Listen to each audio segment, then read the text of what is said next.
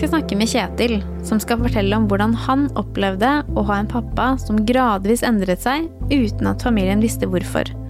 Hvordan det preget hans ungdomstid, og hvordan det var for han å forsøke å holde dette skjult. Hans hardtarbeidende, omsorgsfulle pappa, som alltid hadde vært så presis og organisert, begynte å komme for sent og glemme både hvordan han hadde lagt ting, og ting han skulle gjøre. Det tok nesten syv år før familien fikk en forklaring på endringene. Da fikk pappaen diagnosen Alzheimer. Jeg heter Celine, og jeg var 14 år da min pappa fikk en demensdiagnose. Jeg er sykepleier og jobber i aldring og helse.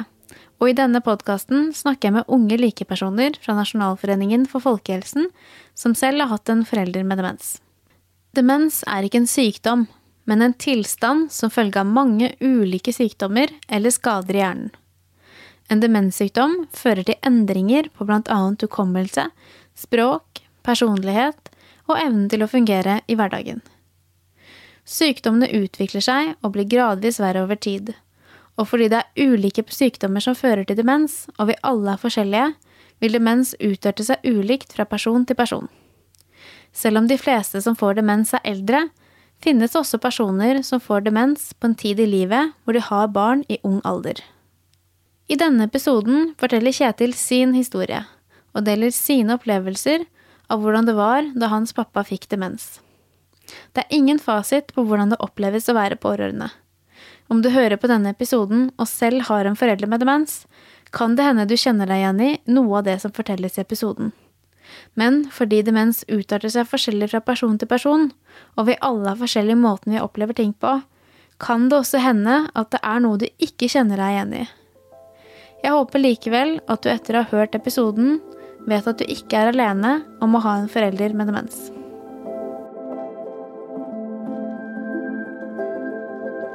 Hei, Kjetil. Så fint at du ville komme hit og dele dine erfaringer med det å ha en eh, forelder med demens. Ja, det skulle bare mangle. Og i dag så skal vi jo snakke aller mest om dine erfaringer med å ha en pappa som har demens. Men jeg er jo litt nysgjerrig på hvem pappaen din var også før han ble syk. Hvem var han? Ja, faren min før, uh, før han ble syk, da, sånn som jeg kjenner han som person Nå har jeg bare ganske tidlige minner, men de, de minner som sitter best da om min far, det var jo at uh, han var mye hjemme. Han var en av de få i Norge som faktisk klarte å drive et eget selskap fra hjemmekontoret. Allerede før alle vi begynte på hjemmekontor nå for tiden. da. Uh, jeg husker når jeg var veldig liten, så var han første fyren i nabolaget som fikk seg uh, datamaskin. Da var det allerede sånn superluksus, og det var en sånn gammel greie med Windows 95 med internett. Og det var fancy greier på den tiden, liksom. så nei, han var veldig rolig kar. Uh, min mor jobbet veldig mye, så det var som oftest uh, etter at jeg hadde grene i dørkanken og min mor skulle kjøre hjemmefra, så var det meg og min far hjemme. Uh, og dette han klarte å oppdra meg alene mens min mor var og, ute og jobbet, samtidig som han hadde egne saker å holde på med. Det var ekstremt mye respekt av.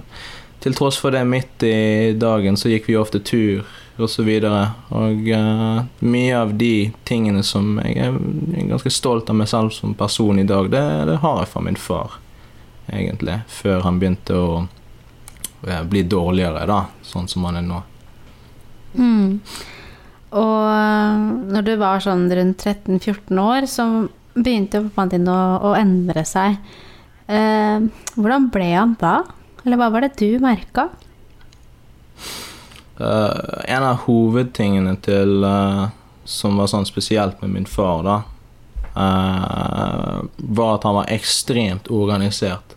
Han hadde alltid full peiling på alt, og når vi skulle reise, så var det helt ekstremt, fordi han hadde full kontroll på pass og alt mulig rart. Han kunne, kunne nesten hadde flyovergangene på flyplassen uten å nøyaktig hvilken gate og alt mulig hva flyet vårt skulle fra. Og det hadde jo han også i arbeidslivet. Eh, så det var jo det første jeg begynte å merke med han når han ikke visste hvor han la fra seg ting eh, Og så videre eh, Eller hva han gjorde dagen før. Han var mange ganger han gikk Vet jo det er normalt når du, går på, når du går inn i et rom og du glemmer hva du skal gjøre der, men jeg begynte å merke det når han absolutt gikk inn i alle rom. Det var mange ganger han alltid valset inn i rommet mitt og skulle spørre meg om et eller annet, men så glemte han det på veien inn, og så går han ut igjen akkurat som ingenting skjer tilbake da så tenkte jeg ikke noe særlig stort over det, da. Men eh, det merket også at f.eks. avtaler osv., tidspunkt og sånn på dagen, så var han alltid ett presis. Han var helt presis. Han var, kom aldri ett minutt for tidlig, ett minutt for sent. Han var på en måte på minuttet, da, så, så var han der. Så det var på ungdomsskolen når eh, når han fortsatt jobbet hjemme, da, sant? og min mor var eh, fortsatt ute og jobbet, så hadde jo han tid til å hente meg hele tiden. Sånn, så han hadde jo egen bil og hele pakken. Så han kom alltid presis, og jeg fikk alltid melding midt i timen, husker jeg, da, for, for hvis læreren ikke ville slippe oss ut i tide, for da sto han nede på parkeringsplassen og ventet. Men nå har jeg virkelig skjønt at her er det et eller annet rart som skjer, det var når han kom en time eh, i forveien. Og jeg fikk melding en gang midt i lunsjpausen på skolen at nå sto han nede på parkeringsplassen og ventet. Men første gangen han gjorde det, så tenkte jeg ikke så mye over det, da, men uh, at han begynte å gjøre det hver dag på rad, og at det ble til en sånn vanesak. Jeg trodde at det var et eller annet han slet med. Jeg fikk aldri vite hva det var, for han virket jo helt normal. Eh, det var akkurat som, det var ikke noe dårlig humør eller noe sånt i den duren, men uh, det, hvis jeg kan se på det tilbake da, med den hjernen jeg har i dag, da, så, så, det, så, vil jeg egentlig sagt at det er en av de tidligste tegnene til at her er det et eller annet som ikke stemmer. Selv om Kjetil og familien merket at pappaen hadde begynt å glemme mer, så skulle det ta lang tid før de fikk en forklaring på hvorfor. Det tok flere år før de fikk vite at pappaen hadde en demenssykdom. Jeg visste ikke hva det var i begynnelsen, da, men min mor hun tulte alltid med at folk var senile, og at folk var demens hvis de, hadde, hvis de var glemsk og surret mye. og sånn da, da. Så jeg, vi begynte jo bare å si det som en spøk, egentlig. Men, eh, og jeg sa jo det som en spøk i begynnelsen, men jeg visste jo ikke at det var noe alvor bak det. sant?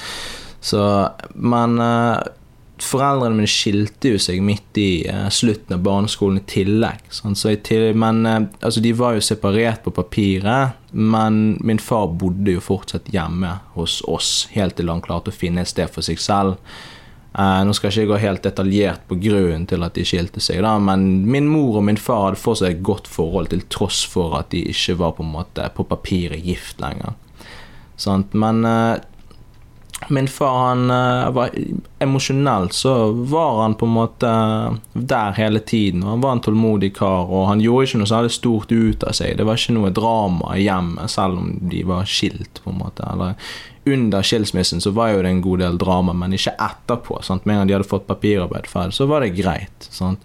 Men det var etter at han flyttet ut, da, eh, og fant sitt eget sted, så eh, da trodde jeg at eh, Hvor gammel var det, du da? Eh, da var jeg sikkert Jeg tror det var i tiende klasse. Jeg tror jeg fylte 15. Mm. Sant? Eh, og eh, da holdt jo han på å Jeg husker vi måtte hjelpe han med å flytte ut. Da, så han har funnet seg en leilighet litt lenger ute på landet. Eh, veldig greit sted å bo. Det er fine naboer og alt det der. Men eh, ja, og alle all hentingen, da det sluttet jo, sant? for nå bodde jo han et annet sted. Sant? Eh, så jeg begynte å gå hjem derfra, da. Så det var ørepluggen i ørene, og så dro jeg hjem, eller gikk hjem. Men det var merkelig, for at når jeg kom hjem, så Etter at han hadde bodd for seg selv en god stund, så kommer jeg hjem, og så ser jeg min far jobbe ute i hagen, da, i huset hvor, ja, hvor jeg bodde nå med min mor og lillebror. Akkurat som om ingenting skjedde. Han kom seg ikke inn, da, for han hadde jo selvfølgelig ikke nøkkel, men den hadde jo han tydeligvis ifølge han glemt et eller annet sted. Han kunne, sant? Og han var så lettet for at jeg var hjemme, sånn at jeg kunne låse han inn, selvfølgelig. Sant? Men uh, det var et eller annet som ikke hengte på grep, for han uh, bodde jo ikke der lenger. Sant? Og jeg spurte skal ikke du være eh, hjemme hos deg selv, hva som skjer. Vi skal jo ikke være med hverandre før i helgen, noe i den duren. sant? Ja, og da, hva mener du? Jeg, ja, hvor Der han ble helt forbi. Han visste ikke hva han skulle svare, liksom. For han var jo ikke, det var akkurat som om han aldri hadde flyttet ut i hodet hans.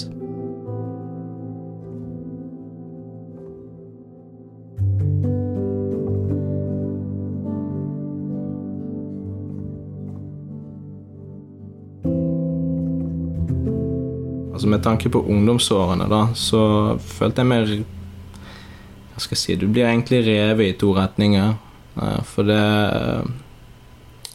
du har, jo alle, du har jo alle vennene dine på den ene siden, eh, og så har jo du din far på den andre siden. Så for min situasjon så Siden jeg ikke visste hva som skjedde med min far, så hadde jeg på en måte ikke noen forklaring å gi til mine venner heller. da. Jeg kunne jo ikke si at min far hadde demens, for jeg visste jo ikke om han hadde det på den tiden. Og, da, og slik så ville de forstått. sant? Uh, jeg kunne jo sagt at han, forklar, at han oppførte seg rart og lignende, og sånn, men uh, fra deres øyne så ville det bare sett ut som det er sånn han er standard. da, At han er, sånt, at han er en sånn type. Sant? Og ungdommer de river jo hverandre løs når de finner eh, når de finner ulikheter hos hverandre. Eh, på ungdomsskolen for eksempel, så det med at han f.eks. begynte å hente meg en time for tidlig, eller to timer for tidlig, det begynte jo å bli en greie for de som gikk tidlig. Sant? For det, mens jeg satt i klasserommet, så så gikk jo en haug med elever forbi bilen hans mens han satt der inne og ventet. Og det er jo en god del sladder som går og Nå skal jeg ikke gå inn i detaljene hva det gjelder, da, sånt, men uh, når du ser samme fyren bare sitte utenfor på parkeringsplassen Du, du vet jo ikke hva han gjør der, sant, for du kjenner jo ikke personen, sant, så du kan jo tenke alt mulig rare greier. Sant? Uh, så ja. Nei, på ungdomsskolen Det var tøffe tider, da. Mm. Og så gikk jo årene, og det tok jo ganske lang tid før dere fikk demensdiagnosen, eller fikk beskjed om at det var demens, da, som pappaen din hadde fått. Mm. Så du gikk jo også på videregående um, uten å vite egentlig hva som, hva som var årsaken da, til at pappaen din begynte å endre seg.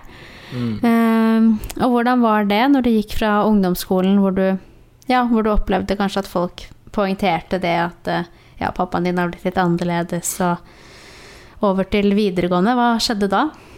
Ja, altså på slutten av ungdomsskolen sånn, så hadde min far Han Altså I begynnelsen så, så, tenkte jeg ikke så mye over det, men eh, på slutten av ungdomsskolen så tenkte jeg ekstremt mye over det, og alle kommenterte på det, og uh, uh, ja, det var, det var, bare så mye rykter om det, da. Sant? Folk skjønte jo ikke hva som skjedde, og ungdommer de liker jo å rive fra hverandre folk som ikke henger med med normen, kan du si.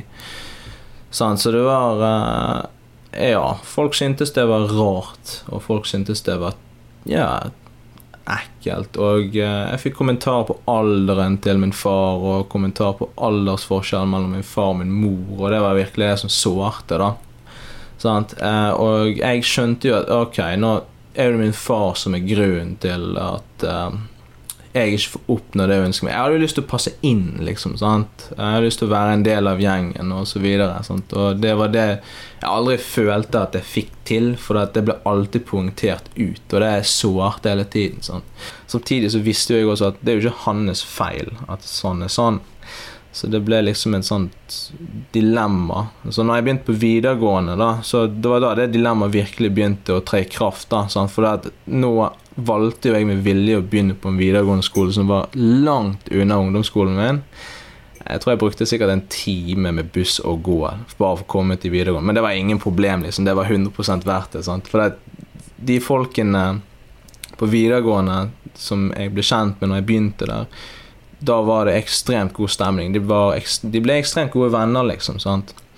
Og så, men, dro, men, valgte du da den videregående skolen fordi de ikke visste hvem du var fra før? Ja, det var, Eller for var, å komme deg unna? Det var faktisk liksom? en av hovedgrunnene til at jeg valgte den videregående skolen. Uh, fordi at uh, ja, alle kjente uh, til min situasjon. Og det var til og med på ungdomsskolen tilbake her hvor jeg bor, da, så gikk jo det så ille at Hva var det, da? Jeg Jeg fikk til og med kommentarer fra folk jeg har aldri møtt dem før i hele mitt liv, liksom. Og de kommer bort til meg og spør er du Kjetil. Og jeg bare svarer ja, hva da? Og så bare snur de seg og går. Og så ser de så Det var, det var bare så ekkel følelse. Skjønner du hva jeg mener? Sant? De ryktene spredde jo seg til andre ungdomsskoler og hei og hå. Det var, det var så krise. Sant? Så jeg kjente jo virkelig på det som en uh, Altså som en 15-16-åring. At Nei, jeg, jeg kan ikke jeg, jeg kan ikke liksom jeg kan, jeg kan ikke fortsette på dette området når eh, alle nye folk jeg møter, liksom ser på meg med sånne fordommer som jeg ikke har kontroll over. da. Sant? Så da var liksom dilemmaet jeg fikk på videregående, det var skal jeg beholde, skal jeg si, fortelle de om min far, og at han oppfører seg rart og sånn og sånn. Eller skal jeg bare gjemme det helt, sant? og så kan de bli kjent med meg sånn som jeg sånn, Ja, jeg kan by på det beste av meg selv, sant. Og så kan de Hva valgte du da? Nei, jeg ville jo selvfølgelig passe inn. Jeg ville jo ha venner og så videre. Sant? Så jeg skjønte jo fra ungdomsskolen at nei, min far han kommer jo til å Eller nei, den situasjonen rundt min far. Sant? Eh, med en gang de får vite om han Jeg bare tenkte på den tiden at ja, da kan du bare glemme det. Sånt. Men, men hvordan, hvordan var det da, på en måte, å holde på den Kall det hemmeligheten, da. Prøve å skjule hvordan disse endringene som pappaen din hadde, og, og den situasjonen du hadde hjemme? Det var liksom det at ok, jeg må passe på min far, for det, min foreldre er skilt. Sant? Min mor hun vil jo ikke Eller hun visste jo ikke hva jeg gikk gjennom, sånn, så hun så ikke ansvaret i det. Sånn, Så jeg var bare meg rundt min far, og jeg måtte besøke han en gang i uken. Det var plikten jeg følte. da, sånn. Og eh, når jeg gikk derfra mens jeg var en 16-17-åring. sant? Første året på videregående så begynte jeg å bare Det begynte å tære på deg, for det, eh, det ble veldig trist å se en sånn. Så plutselig, Jeg kunne ikke snakke med noen om det heller, av de som jeg stolte på mest. Sånn, så det, det gjorde virkelig vondt på den tiden. Mm. Men var det sånn at du kom til et punkt da hvor du bestemte deg for å fortelle de om det allikevel? Nei, ikke gjennom videregående, men uh, Nei. Så du holdt på mm. hemmeligheten hele videregående? Jeg holdt den på gjennom hele videregående, ja. Så det var liksom Det var en periode på videregående hvor jeg uh, gikk gjennom en sånn her fase, da, en sånn her trist fase. Og eh, jeg, jeg, jeg fortalte fortsatt ikke hva det gjaldt, liksom. Men um, Men hva sa du da? Hvis folk spurte om pappaen din? Jeg tenker sånn, mm, Det er jo litt sånn typisk i sånne sosiale settinger uansett, at man spør jo sånn Ja, hva gjør foreldrene dine, eller mm. Ja. Nei, Hva sa du da? Jeg sa masse rare greier. Jeg sa at uh, ja, På videregående Min far han var jo mye i utlandet Sånn, når han var ung, da. Så jeg bare sa ja, han er i utlandet. Og jeg ser han ikke så ofte. Så sa jeg jeg ser han sikkert én gang i uken. Sånn, så jeg løy ikke, da, men jeg holdt, jeg holdt liksom eh, Jeg holdt liksom bare detaljene vekke. Sant? Jeg sa liksom at ja, jeg prater jo Jeg er glad i min far, og vi har godt forhold, men jeg ser han ikke ofte. Sant? Så jeg bare lot de finne ut resten selv. Ikke det at han var syk, da, men dikte opp sin egen forklaring på det, egentlig. Da. For jeg, jeg vil egentlig ikke snakke med dem om det i det hele tatt. Sant? Nei. Men jeg kan jo se for meg at du på en måte, som du sier selv òg, du mister jo litt det, den støtten da, som du kunne fått fra vennene dine. Um, Mm. Med å snakke om det som var vanskelig. Ja. Samtidig som dette her også var jo før du visste at han faktisk hadde en sykdom. Du visste jo heller ikke selv hva det var ennå. Ja, det var jo det. For det, altså, hva skal jeg si til det? Liksom, min far han oppfører seg som en tulling. Han bor i en Ja, han Han klarer ikke å ta vare på seg selv. Han klarer nesten ikke å ta vare på seg selv. Sant? Jeg kan, jeg, ja, jeg, bare, jeg bare følte Jeg kan ikke si det til dem. Og jeg var sånn, I min situasjon så Jeg er en type som lærer av erfaring. Sant? Og den erfaringen jeg hadde fra ungdomsskolen, Det var jo at ja, med en gang de får vite om min far, så kommer så kommer alle de folkene som jeg har fått så god kontakt med, de bare kommer til å stikke. Sant? Det, var sånn som skjedde på ungdomsskolen. Sant? Jeg, det begynte godt der òg. For min far, han var eh, han hadde, ja, da, da, da var han fortsatt frisk til en viss grad. Sant? Men jo mer han ble dårligere, jo mer begynte de å distansere seg òg. Ungdommer de syns jo Foreldre er jo en big deal for dem i den alderen. Sant? Så når foreldre begynner å tulle, så prøver jo de å ha så lite Sånn som jeg har opplevd, da. Involvering i det, akkurat. Det tok seks til syv år før pappaen til Kjetil fikk diagnosen Alzheimer. Det kan ta lang tid før yngre personer med en begynnende demenssykdom får stilt riktig diagnose. Årsakene til dette er nok sammensatte, men én grunn er at demens er mye sjeldnere hos yngre enn hos eldre personer. Derfor er ikke demens det første en tenker på når personer under 65 år begynner å endre seg. Men det tok jo da litt tid uh, fra pappaen din begynte å endre seg til han fikk en demensdiagnose. Um, hvordan var det for deg da å bli fortalt at, at det var den sykdommen han hadde, at det var det som var forklaringen? Ja, for meg så var det, skal jeg være helt ærlig, så var det den lettelsen. For det Nei, jeg skal si min far har vært veldig rolig sånn emosjonelt sett. Uh, han har på en måte Eller emosjonelt og emosjonelt, da. Han har jo vist mye følelser, sant, men uh, når han har vært trist og sånn, så vet du det, da. Du, han viser følelsene sine, sant.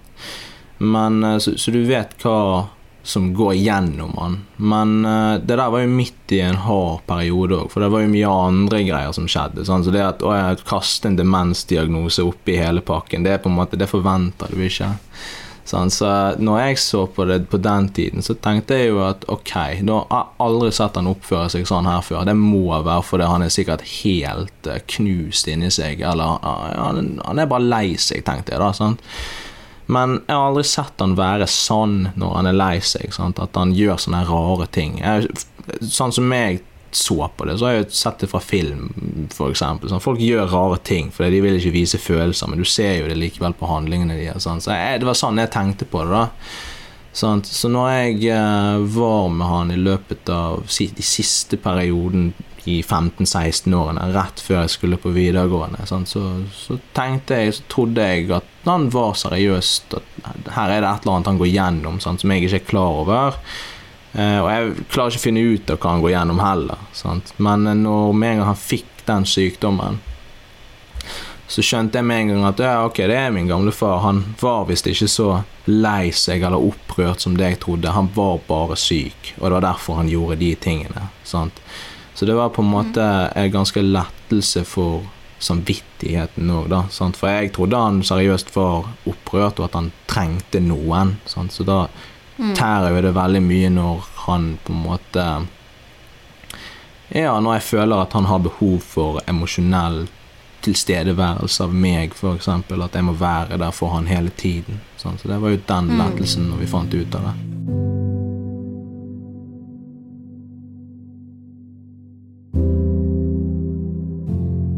Hvordan forholder du deg til den sykdommen og pappaen din nå, da? Hvordan syns du det er nå? Og med uh, demens og, og, venner og sånn. Klarer du å dele det med andre nå, da? Per i dag, liksom? Mm. ja, jeg har jo vært på TV om det. sånn, så eh, nå, nå, sier jeg det rett sånn som det er. Sånn. Så den forklaringen, den diagnosen, den har jo også hjulpet meg veldig mye, da. Sant? Følte liksom at nå kan jeg faktisk være ærlig. Sant? Og uh, du blir ganske sliten i hjernen av å holde noe så stort unna. Sant? Men det var på en måte nå kunne jeg bare slippe taket og bare si det sånn som det mm. var. Det var ekstremt god følelse. Og jeg fikk ekstremt mye bra respons. Det var mye skryt, det var mye ros sant? fra folk som jeg ikke trodde kom til å reagere i det hele tatt. Så det var en ekstremt positiv overraskelse. Kjetil er ung likeperson i Nasjonalforeningen for folkehelsen. Unge likepersoner er personer som selv har opplevd å ha en forelder med demens, og som ønsker å hjelpe andre i samme situasjon. Disse unge likepersonene har gjennomgått kurs i forbindelse med rollen og har taushetsplikt. En viktig del av denne rollen er å gi råd og hjelpe andre i samme situasjon. Det var først da Kjetil deltok på helgekurset Tid til å være ung, at han begynte å tørre å være åpen om pappaens demenssykdom. Tid til å være ung er et landsdekkende helgekurs for unge pårørende i alderen 18 til 30 år som administreres av Aldring og helse. På kurset lærte han mer om sykdommen og traff andre i samme situasjon som fortalte om mye av det samme som han opplevde. Det var etter deltakelsen på dette kurset at han i etterkant ønsket å bidra som likeperson og være en ressurs for andre i samme situasjon. Det er jo litt sånn kult da, at du som eh, gikk fra å liksom ikke snakke om sykdommen til pappaen din, eller sånn, åh ja, disse endringene, sånn, til plutselig å liksom, ja, stille opp på TV og gi råd til andre og liksom stille opp som en ressurs, da. Ja, nei, men det er en drastisk endring. Uh, I begynnelsen, sant, når han fikk diagnosen, så visste jo jeg egentlig ikke noe om hva det var for noe. Sant? Men eh, jo mer og mer jeg visste om det, jo mer og mer hadde jeg lyst til å være åpen om det. Sant? Eh, så det jeg har merket Nå, nå som jeg har jobbet med likeperson, så er jeg, de jeg har pratet med sant? Det er mye barn jeg har pratet med, mye ungdommer jeg har pratet med. Sant? Eh, og eh, de fleste, jeg, de fleste har en god forståelse av hva det er. Jeg har merket at det er de som på en måte ikke Det de som har en god forståelse av hva det er, de er mer åpne om det enn de som ikke har en særlig god forståelse. Sant? Så det er på en måte de to tingene som eh, ja, som jeg har lært, og som har påvirket meg. Da. Sånn, for jeg har jo selv merket det med min egen erfaring, men når jeg fikk se det i andre, sånn, så skjønte jo jeg at ja, der er jo det er faktisk en positiv endring. Altså Hele den likepersons altså, opplevelsen for meg, da, eller på en måte arbeidet mitt da, som likeperson, det, det begynte jo egentlig med at jeg ble puttet på av min mor, faktisk. Så ble jeg puttet på et sånn kurs for ungdommer som hadde foreldre med demens. Og jeg For du tenkte var på til å være ung? Ja, jeg var på tid til å være ung i begynnelsen. Uh, og det var min mor som faktisk tvang meg på å være med, være med på det kurset. da, sant? Men uh, jeg tenkte jo at nei, det er jo et engangstilfelle Uh, for min del. Sånn. Jeg, jeg kunne ikke forestille meg en annen ungdom i Norge som seriøst hadde en far eller mor med demens. Jeg, jeg kunne ikke forestille meg det i det hele tatt. Det, det, var, bare, det var så fremmed for meg. Sant? Men uh, jeg dro likevel. Men eh, det var når jeg var der, da, var det en helt syk opplevelse. eh, å bare høre på andre sine historier, da. Eh, for de Mm. fortalte jo ting som var nesten helt likt som jeg hadde opplevd. Sant? Med min far. Det fortalte de om sin mor. Det fortalte de om Mm. sin, sin egen far. Eh, og det, det var litt av en opplevelse. Men jeg ville jo ikke dele Jeg husker på det kurset, jeg jeg ville egentlig ikke dele noe særlig. For jeg, jeg følte ikke at det var relevant, liksom. For at uh, det var jo så sånn som de opplevde det, det var jo fortsatt fremmed for meg at andre folk kunne ha samme situasjon. Sånt. Men uh, det var jo mer jeg fikk lære om hva sykdommen innebærte, og at det faktisk er en sykdom.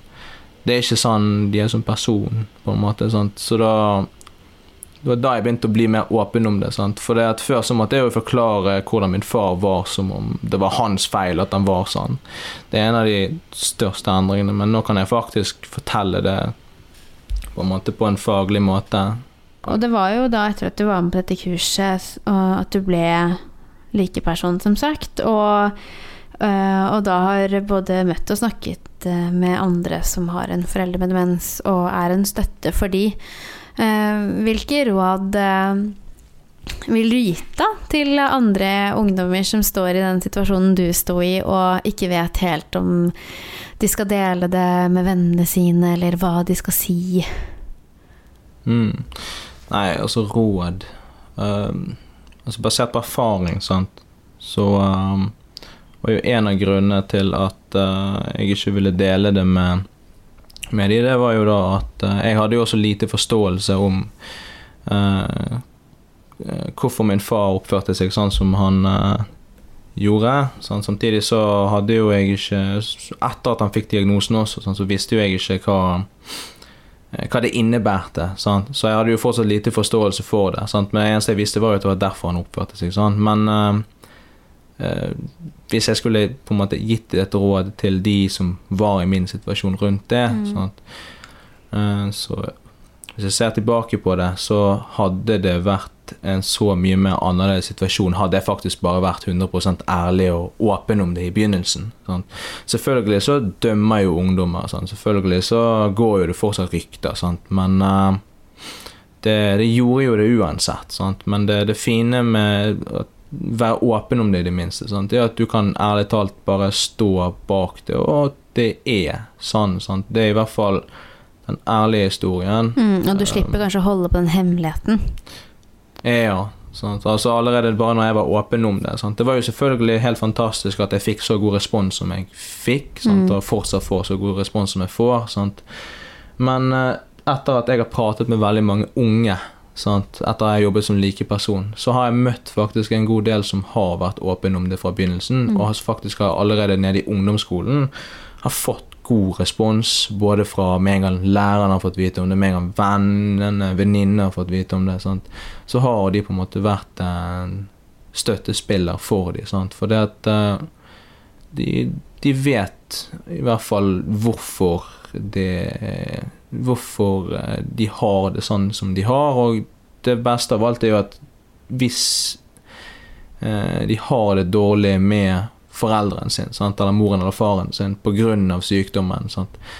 så har de en god del andre de kan støtte seg på også. Sant? Det hadde jo jeg ikke da. Det var jo bare meg mot verden. Sant? Og mm. eh, pga. den dårlige erfaringen som jeg hadde på ungdomsskolen, så valgte jeg å holde det sånn. Jeg tørde jo ikke risikere at det kommer til å bli verre. Sant? Men når jeg faktisk har fått sett på at andre sine historier, mm. som fortsatt er på ungdomsskolen til den dag i dag, at de har hatt et helt annet resultat. Altså majoriteten av de sant? Mm. har hatt en helt annen reaksjon enn det jeg trodde og det jeg fryktet på den tiden. Så, mm. så, det å, så, å, være åpen, som du sier, gir jo både sant, en støtte eh, at man har noe man kan prate med som, som vet i hvert fall litt om, om, hva man går igjennom, og at man Ofte så er jo folk eh, greie, ikke sant, og prøver å skjønne og kan være en, kan være en støtte. Så ja, som du sier. Er. Så lenge folk så når, vet. Mm. Ja, det, det, er jo akkurat det. sant? I tillegg når du kan på en måte støtte deg på andre, enten i klassekameratene og lærerne, så, så, blir det liksom en forståelse som dannes med dere. sant? At uh, nå, nå, vet du at uh, du, nå, vet de at du, har en, at du har en far eller mor med demens. Nå vet de at uh, han eller hun har en sykdom, sant? og at det er ikke lett for deg. Sant? Og de begynner å forstå mye mer sant, på hvorfor f.eks. hvis du er lei deg en dag, så spør de, sant? og du kan ærlig svare eh, nøyaktig hvorfor. Sant? Og jo mer forståelse de har, sant? jo eh, mye mer alvorlig tar det, føler jeg. Sant? Jeg tok jo det heller ikke så alvorlig, for jeg hadde jo ikke noen forståelse rundt sykdommen. Sant? Men eh, det var jo mer jo mer jeg lærte meg om den også, mm. sant? når jeg begynte å gå på kurs, mm. ja, så, så, ble det mye lettere, for jeg visste hvorfor jeg visste at uh, en av de viktigste tingene som jeg lærte, sånn, jeg visste at da er, det, da er det faktisk en sykdom inne i bildet. Mm. Det er ikke min far sin feil, eksempel, at mm. han oppfører seg sånn. Det, det, er ikke min feil heller, sant. Mm. Men uh, Sånn skylde på sykdommen. Ja. ja, du kan faktisk det, sant. Mm. Og uh, du kan faktisk ja, gi den som en begrunnelse, sant. er At Da vet jo sånn. de at Ja, det er derfor det er sånn.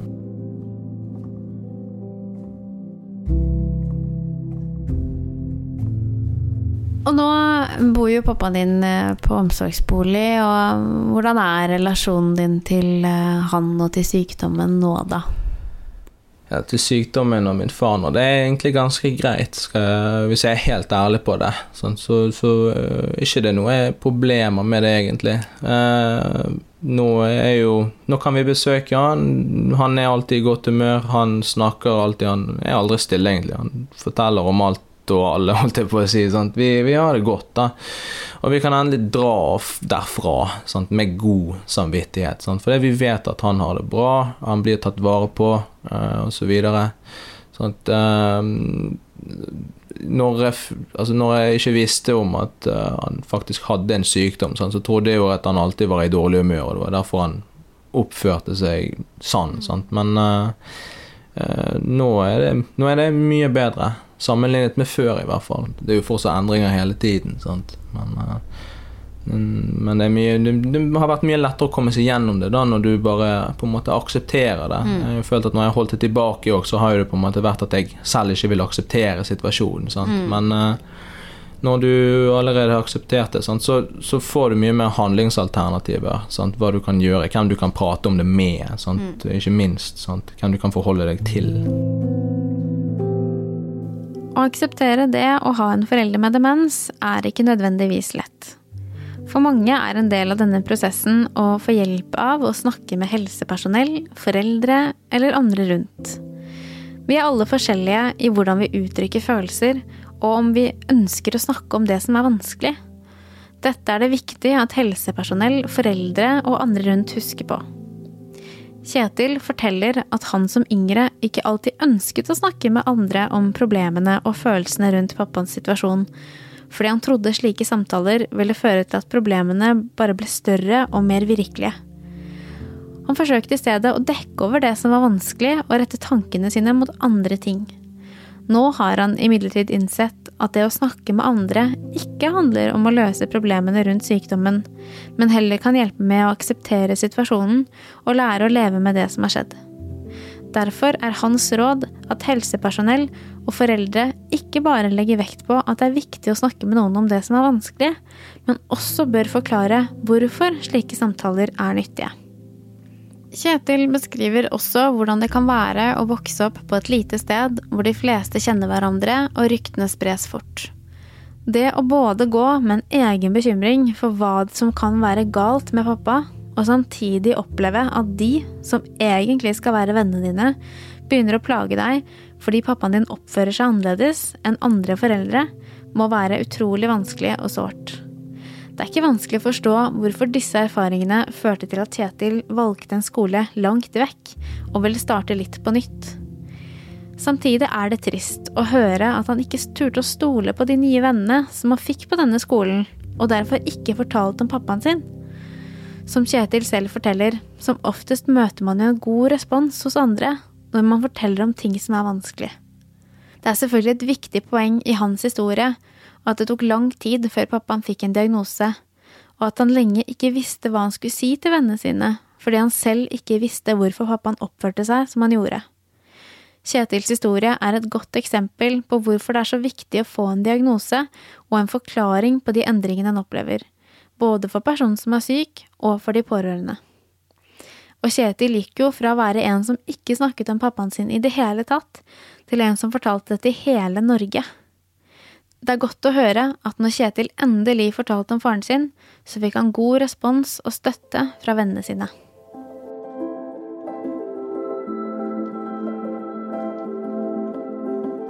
I neste episode av podkasten Tid til å være ung skal jeg snakke med Victoria, som var ti år da pappaen hennes begynte å endre seg, og 13 da han fikk diagnosen Alzheimer.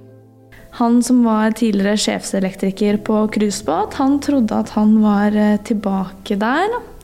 Alle de ansatte på sykehjemmet, det var eh, hans kollegaer. Så han snakka gjerne engelsk med sine kollegaer. Eh, og så hadde sykehjemmet også runde vinduer, noe de gjerne har på et eh. Så han, han, var i arbeid dagen lang. Han, når vi var på besøk på ettermiddagen, da hadde han hatt en full arbeidsdag og vært i sikringsskapet, som egentlig vil si at han demonterte eh, barbermaskina si. Trenger du å snakke med noen etter å ha hørt på denne episoden?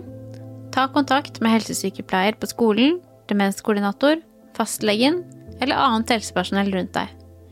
Du kan også ringe Mental Helses hjelpetelefon på 116 123. Hvis det haster å snakke med noen, kan du ringe alarmtelefonen for barn og unge på 116 111.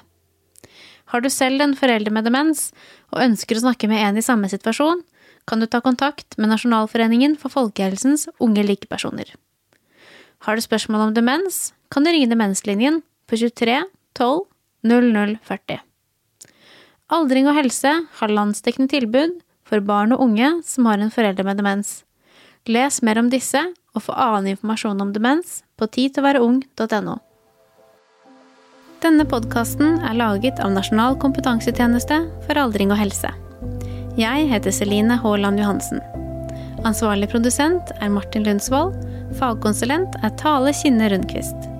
Teknisk produksjon er gjort av Headspin Musikken er produsert av Synkpoint. Podkasten er laget i samarbeid med Nasjonalforeningen for folkehelsen på oppdrag fra Helsedirektoratet som en del av pårørendetiltakene i regjeringens demensplan. Takk for at du hørte på.